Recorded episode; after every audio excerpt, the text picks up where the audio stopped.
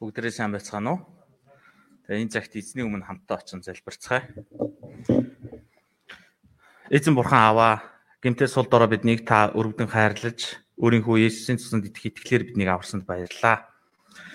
Хайртай бурхан аваа бид хаа байгаа газраасаа сүнс ба үннээр хүндэтгэн өргөхөөр таны нэрэн дор цуглах боломжоор та хангаж өгч байгаад баярлалаа. Цэвэр зүрх сэтгэлээр таныг сүнс ба үнэн дотор хүндэтгэн өргөж таны үгэнд бид нэр анхаарлаа хандуулахад та туслаач ээ гэж гуйж байд. Таны үг бидний зүрх сэтгэлийн самбар нанднаар сийлэгдэх боломжоор та хангаж өгөрөө гэж гуйж байна. Өчиг хүн хүүтэйгээ эзэн та хамт байж удирдах өгөөч ээ. Би биш харин зөвхөн таны ариун сүнс энэ цагт таны үгийг дамжуулан тунхаглах боломжоор та хангаж өгөрөө гэж гуйж байна. Энэ цагийг эхлэхээс дуустал эзэн та өөрийн ариун сүнс дотор удирдах өгөөч гэж бидний цорын ганц аврагч эзэн Иесус Христийн нэрээр гуйж байна. Амен. Өнөөдрийн номлын нэр бол Бурхан ертөнцийг үнэхээр хайрлсан да. Йохан 3:16-аас 36. Гол ишлэл 3:16. Бүгдээрээ хамтдаа уншицгаая. Йохан 3:16-г.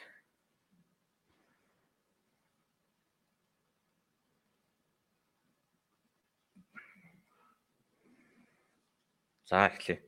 Бурхан ертөнцийг үнэхээр хайрлантаа цорын ганц хүүгээ өгсөн тул хүүд итгэдэг бүхэн мөхгүй харин мөнх амьтаа байх болно.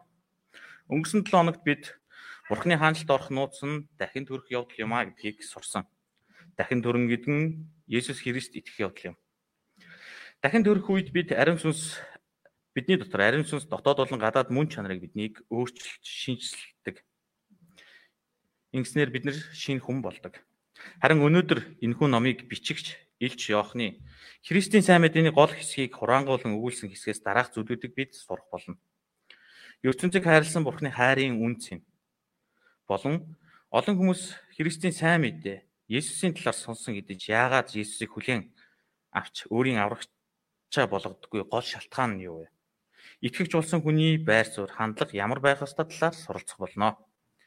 Энэ цагт ариун сүнс бидний зүрх сэтгэлийг шин сэтгэлээр Бурхны үг рүү хандах боломжоор хангаж өгөөч хэмээн хүсэн гуйж байна.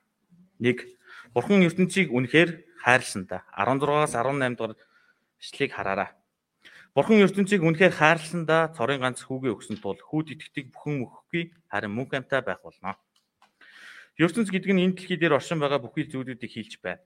Бурхан бүхий бүхий бүтээлүүдийг энэ орчлон ертөнц бүтээн бий болгосон билээ. Бурхан ертөнцийг үнэхээр хайрлсан да гэсэн байна. Үнэхээр хайрлан гэдэг нь жинхнээсээ хувиршгүй хайраар нэг үгээр бол бодтоор хайрлахыг хэлж байна. Тэгэд тэрээр цор ганц хүүгээ өгсөн. Хамгийн үн цэнтэй тэр бүхнээ золин байж хайрлсан гэсэн санааг энд илэрхийлэн хэлжээ.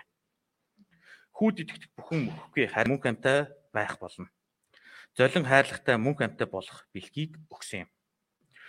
Зөвхөн бурханд бурхны илгээс нь тэр хүү тэр хүүгийн нэрэнд итгэсэн бүхэн л мөнх амьтаа байх болно. Йохан тунхаглахдаа Бурхны олон мөн чанаруудаас дурдаагүй харин Бурх Бурхны хайрын улмаас хийж буй үйлдэлүүдийг энд тунхаглажээ. Бүх зүйл ертөнцийн төлөх Бурхны хайраас ихтэй юм. Бид Бурхныг хайрлсан учраас Бурхан биднийг хайрлаагүй. Бурхан хин нэгнийг ялгуурлан хайрлаагүй. Зөвхөн юудэчүүд гээд хин нэгний өмч байхаар хайрлагдаагүй. Нийгмийн дээд доод давхаргаар нь ялгуурлан хайрлаагүй өнгө зүс үндэс угсаа гарна ялгуурлан хайрлаагүй. Харин гим нүглэр дүүрсэн Никодем шиг итгэхээс татгалцдаг хүмүүсээр дүүрэн энэ дэлхийг хайрлан хайраа харуулсан юм. Хуучин гэрийг харуул бурхан Адам Еве хоёрыг бүтээгээд эдийн цэцэрлэг буюу Деважинд мөнх амьтаа байх. Мөнх амьдарч бурхны бүх бүтээлүүдийг захиран аз жаргалтайгаар амьдрах амьдрахаар бүтээн юрөөж өгсөн байдаг. Гэвч сатаны хорон үгэнд автна. Бурхантай энэ тэнцүү байр байр суурьтай болохыг хүсэн шуналд автсан. Тэгээд эцэстээ гимт унсан. Үүнээс болоод бүх бүтээлүүд гимтээ нүгэлт байдалд хүрсэн.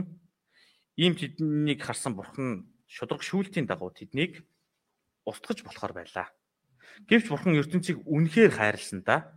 Өөрийн уур хилийн шудраг шүүлтээсээ татгалцсан юм. Харин ч аврахын авралт хүрэх замыг нээн өгсөн билээ.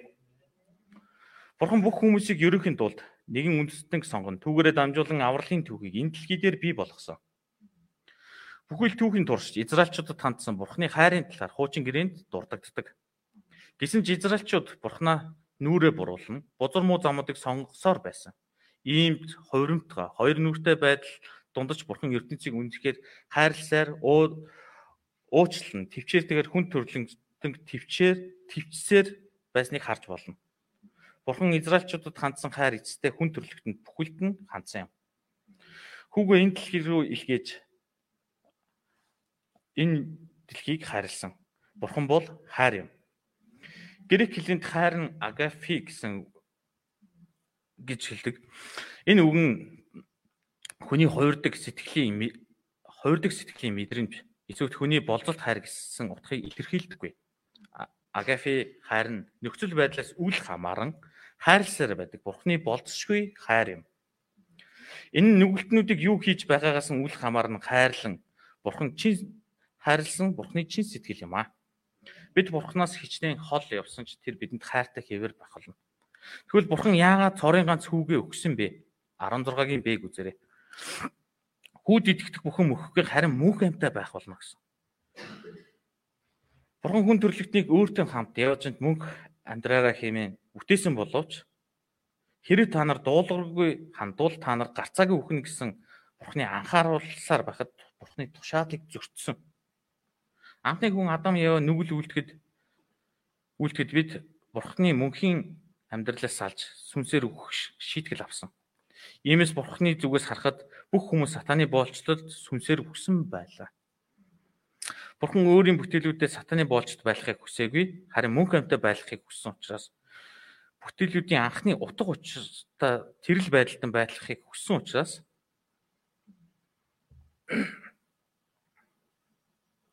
өгсөн учраас эндээс харах юм бол Бурхны агуу хайрыг бид нар харж болно. Тэгвэл Бурхан яагаад ертөнцийг ингэтлээ хайрласаар байдаг үндсэн зорилго нь юу вэ? Зарим хүмүүс хайрыг авахудаа тэр хүн намайг харилж байгаа гол зорилго шалтгаан нь юу болоо гэмээр боддог.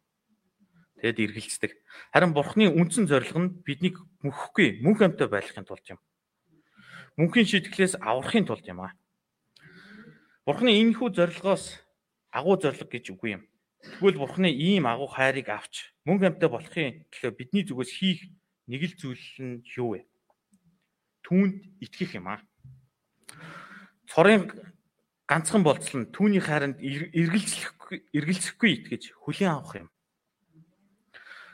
Бурхан хүн хэнийг ч мөхөлгийг хүсдэггүй. Тиймээс хүн бүр аврагдах боломж олгохын тулд тэр бидэнд өөрийн хүүг өгсөн юм. Хүн зөвхөн итгэлээр л энэхүү аврал буюу мөнхийн амийг хүлээн авах боломжтой болсон. Зарим хүмүүс бурхны талаар ботгож шийтгэл, айдас хөргөн байдал бодогддог. Харин 17 дугаар ишлэлийг үзээрэй. Учир нь бурхан ертөнцийг яллахын тулд биш, харин түүгээр дамжуулан ертөнцийг аврахаар хүүгээ ертөнцид илгээсэн билээ гэж. Энэ ертөнц бол бурхангүй эрхчлөөтэй байхыг хүсэн тэмүүлдэг газар. Мөнгө, эрх мэдэл, нэр алдар хүн бүхний хүсэн тэмүүлэг шуналт гмийн хүслээр дүүрсэн газар. Бурхны тогтоосон эмх зэгц алдагдаж хүмүүс ижил хүссэн хүүстэн болж Бурхны жигшдэг гмүүдэд автагдаж ямар ч гмийн мэдрэмжгүй амьдарч байна. Хүн бүр мэс чанараараа буруу гэдгийг мэдсээр байсан ч гмийн зүйлүүдийг жигшгэ болсон. Гмийн зүйлүүдийн талаар ярихаар үүдээс хүний тэгш ирэх ярьдаг болсон. Энэ их гимт нүглүүд нь амьдралын хэм маяг болон загвар болтлоо хүн өөрчлөгдсөн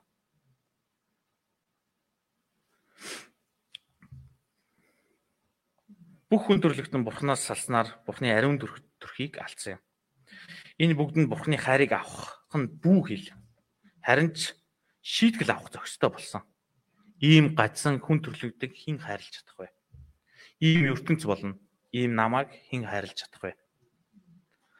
Харин бурхан хэлэхдээ энэ ертөнцийг шүүхээр яллахаар түүнийг ертөнц рүү илгээгээгүй гэж байна. Харин хүүгээрээ ертөнцийг аврахаар илгээсэн гэж байна. Хинч ямар ч хүн ч гэсэн итгэсэн тэрэл даруйда мөнх амьтаа болох болно. Мөнх амийг өвлөн авах болно. Та сайн муу байсан ч хамаагүй. захаа хүмүүс, ижил хүүстэн, хуваа хичээсэн, шашингүй үзэлтэн байсан ч хамаагүй. Ёс суртахуунгүй, алуурчин, хиймэлшвтэн шүтгч байсан ч хамаагүй. Гимээ гимшин, нүглээ чин сэтгэлээсээ улаач, хуурамч бурхтаасаа татгалзан, эзэн Иесусыг аврагчаар хүлээн аван итгэхвээс мөнх амьтай болох болно. Мэ ямар ч шийтгэл байхгүй. Харин мөнх амийн бэлэг бэлгийг өвлөн авах болно. Та түүний нэрэнд итгэх тэрл үед их ивэлийг энэ л амьдралдаа итгэх болно. Харин шийтгэл бол Есүсийг дахин үрэх үед бэлээ олох болно.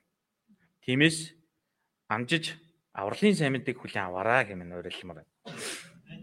Нэгэн түүхийг хуваалцвал Есүстэй хамт хоёр гинтэн загламан дээр цовдлогдно.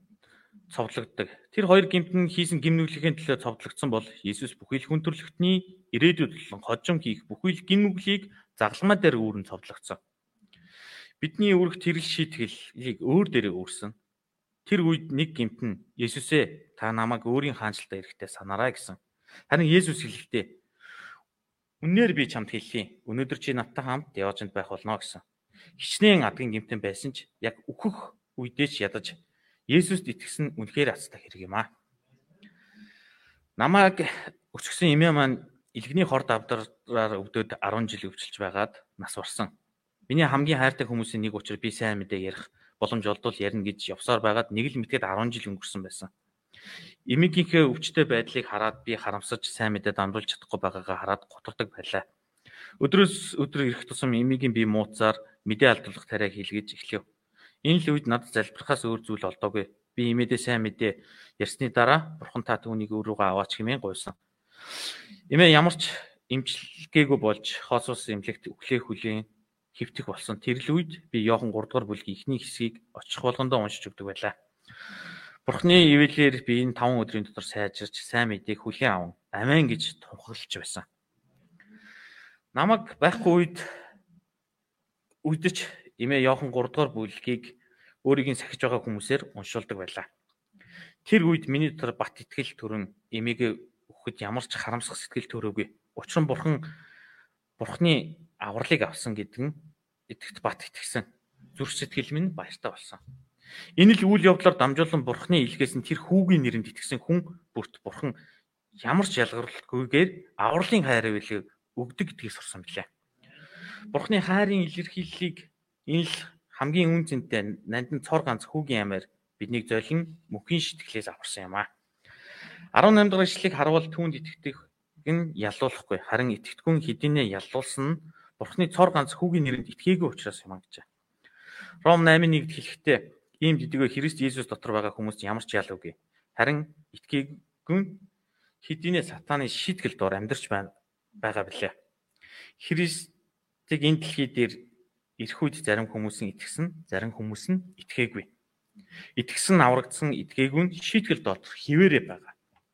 Хэдийгээр Христийн гол зорилго нь хүмүүсийг аврах байсан боловч түнд итгээгүйгээс татгалсан хүмүүс дор өөрийн үгээрээ шийтгэлийг болгосон юм хүн бүр хожим итгэлийнхээ үйлсийн дагуу шүүгдэх болно.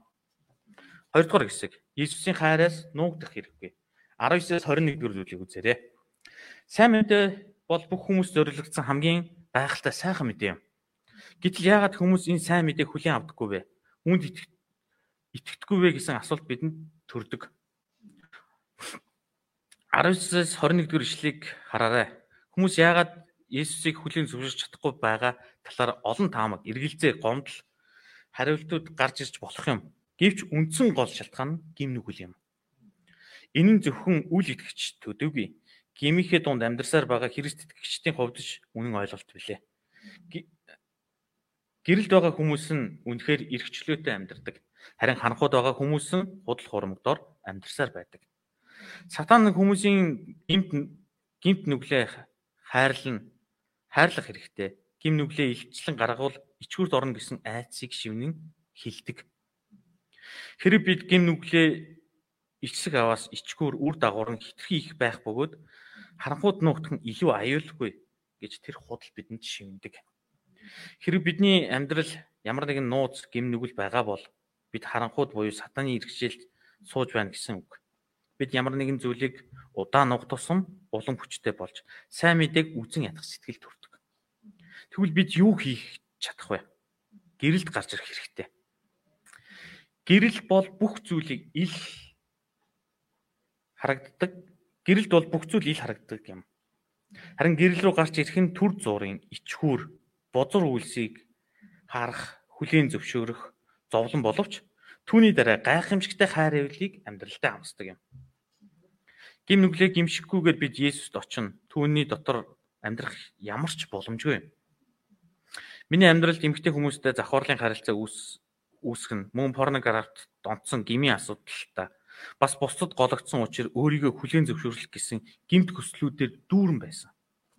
Эдгээр гмийн гмийн зүйлүүдтэй тулалдхан уулыг хөдлөхтэй адил хэцүү зүйл байсан.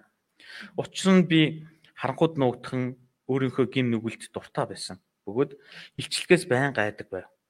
Тиймээс эдгээр гим нүглийг миний дотор улам улам томорсоор байсан. Гисэн гэдэж би бурхны өмнө бус бусдын өмнө гим нүглээ дахин дахин гимшин тэднийг гэрэлд гаргахад эдгээр гим нүглийг ялах нь хялбар болж эхэлсэн. Эцэст нь би нэг тодорхой шийдвэр гаргаж дахин эдгээр зүйлүүдийг үйлдэхгүй байхаар шийдсэн. Заримдаа намайг унсан үед маань тэд дахин уруу татахыг оролдог байсан ч гэрэл тэд ямар муухай чигшүүртэй болохыг маш тодорхой харж мэдсэн учраас дахин тэдгэр гимд унахыг хүсдэггүй. Бид нүглээ улаавал итгэмж зөв тэрээр нүглийг мань уучлж бүхий л зөв бусаас биднийг цэвэрлэнэ гэсэн.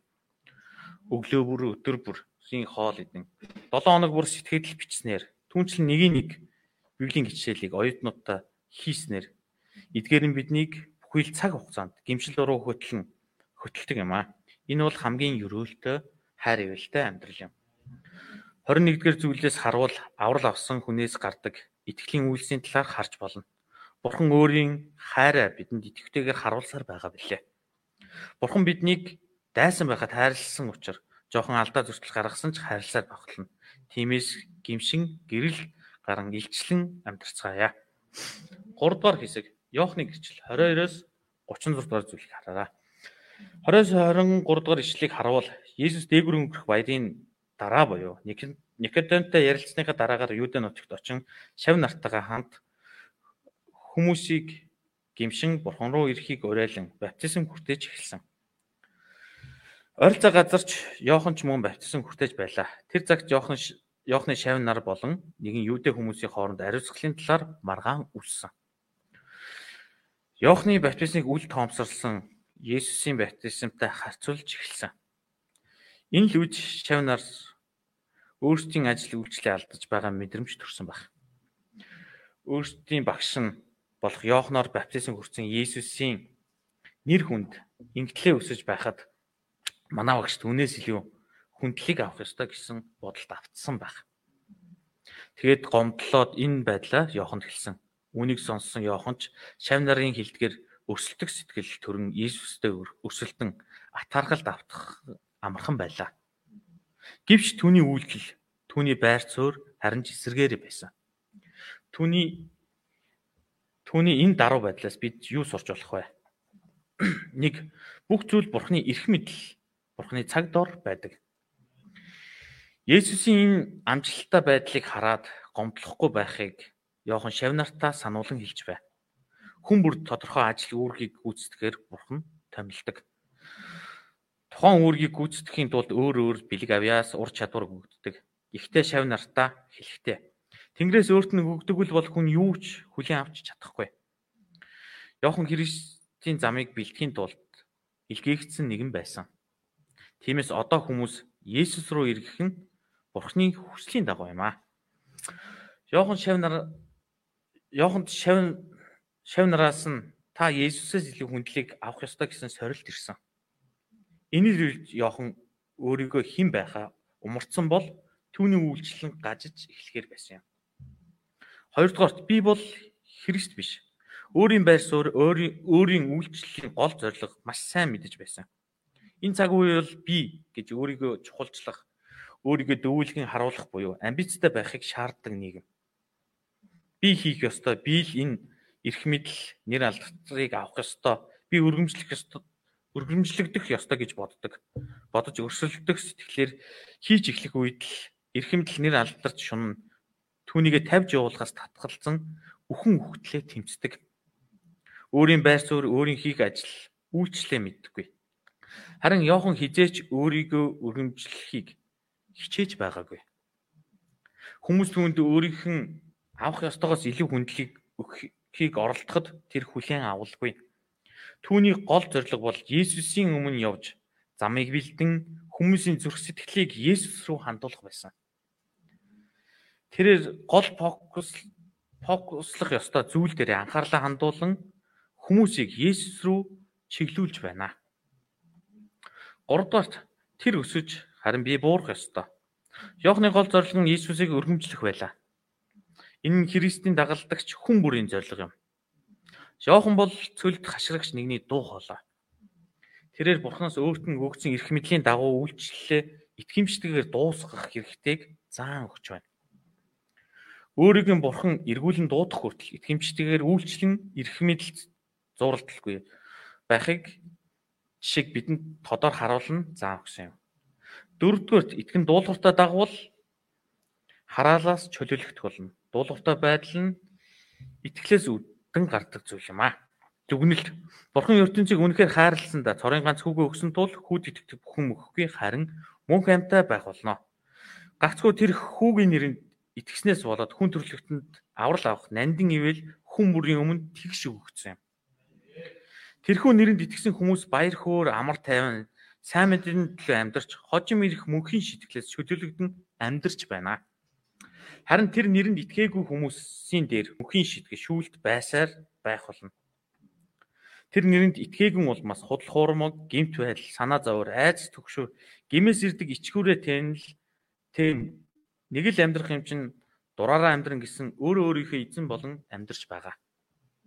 Ийм л хүмүүст бурхан өөрийг нь үнэхээр хайрсан гих тэрл сайн мэдээг дамжуулан амьдарцгаая.